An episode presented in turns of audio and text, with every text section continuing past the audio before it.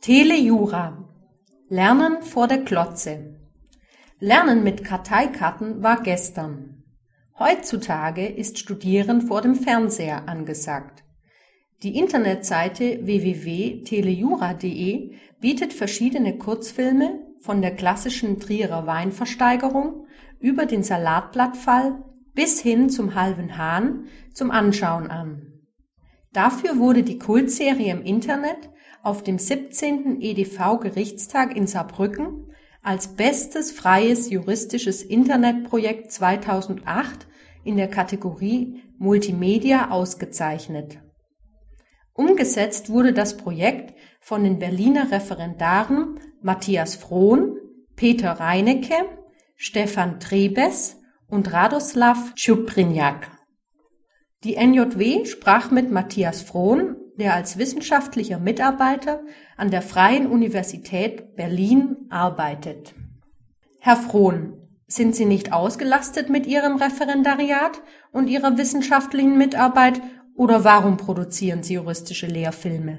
Also die Idee ist eigentlich schon in unserer Studienzeit entstanden. Wir haben uns gedacht, warum immer lernen mit Lehrbüchern?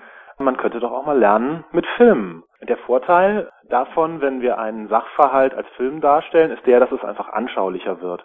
Und die Lösung wird von uns von einem Reporter präsentiert und dabei kommen die streitenden Parteien zu Wort, so dass sich die Studenten einfach auch besser reinversetzen können und Argumente für oder gegen bestimmte Rechtsansichten so besser nachvollziehen können. Wie sind Sie auf die Idee gekommen, klassische Lehrbuchfilme zu verfilmen? Also ich fand schon immer, dass das ganz nahe liegt. Ich kann mich noch gut erinnern, dass ich als äh, Student oft nach Hause gekommen bin, abends Fernseher angemacht habe und dann kann man sich ja oft nicht entscheiden, was gucke ich jetzt. Heute wird es wahrscheinlich äh, sowas sein wie die Entscheidung zwischen Germany's Next Topmodel und Kochen mit Kerner. Und genau da kommt Telejura ins Spiel.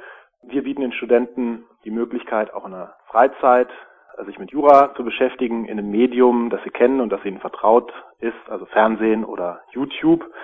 Wobei uns natürlich klar ist, dass äh, die Filme kein Lehrbuch ersetzen können. Das sollen sie auch nicht, sondern sie sollen eher zum äh, Nachlesen und zum Nachdenken anregen. Woher nehmen Sie das Know-how für einen Filmdreh? Welches Know-how? Also ich glaube, wenn ein echter Filmprofi uns beim Dreh zugucken würde, der würde wahrscheinlich die Hände über dem Kopf zusammenschlagen.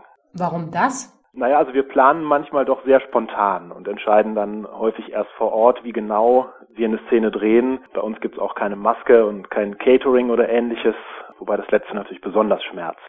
Wie finanzieren Sie eigentlich Ihre Filme? Also wenn ich das so überschlage, dann belaufen sich unsere bisherigen Ausgaben auf exakt 23,50 Euro. Wir haben nämlich ähm, für 20 Euro einen Transporter gemietet für unseren Film Die vergebliche Weinanlieferung und haben dann noch für zwei Euro eine Detektivpfeife und für 1,50 Euro ein Plastikmonokel gekauft. Also wir liegen eher im Low-Budget-Bereich. Hand aufs Herz. Können Juristen überhaupt schauspielern oder spielen sie vielmehr sich selbst? Also die Rolle als Hausmeister in der Mädchenschule hat mir schon ganz gut gefallen.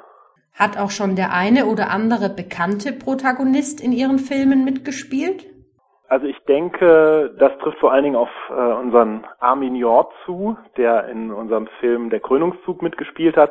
Der hat nämlich im letzten Jahr einen viel umjubelten Auftritt in Homberg-Efze in der lokalen Theaterproduktion von Omel aus dem Eis als zerstreuter Professor gehabt. Und apropos Professor, äh, in unserem aktuellsten Film, Der halbe Hahn, spielt Professor Berger von der Uni Köln die Hauptrolle. Können Sie sich vorstellen, auch juristische Lehrfilme für Anwälte zu produzieren? Das ist uns zu seriös. Vielen Dank für das Gespräch, Herr Frohn.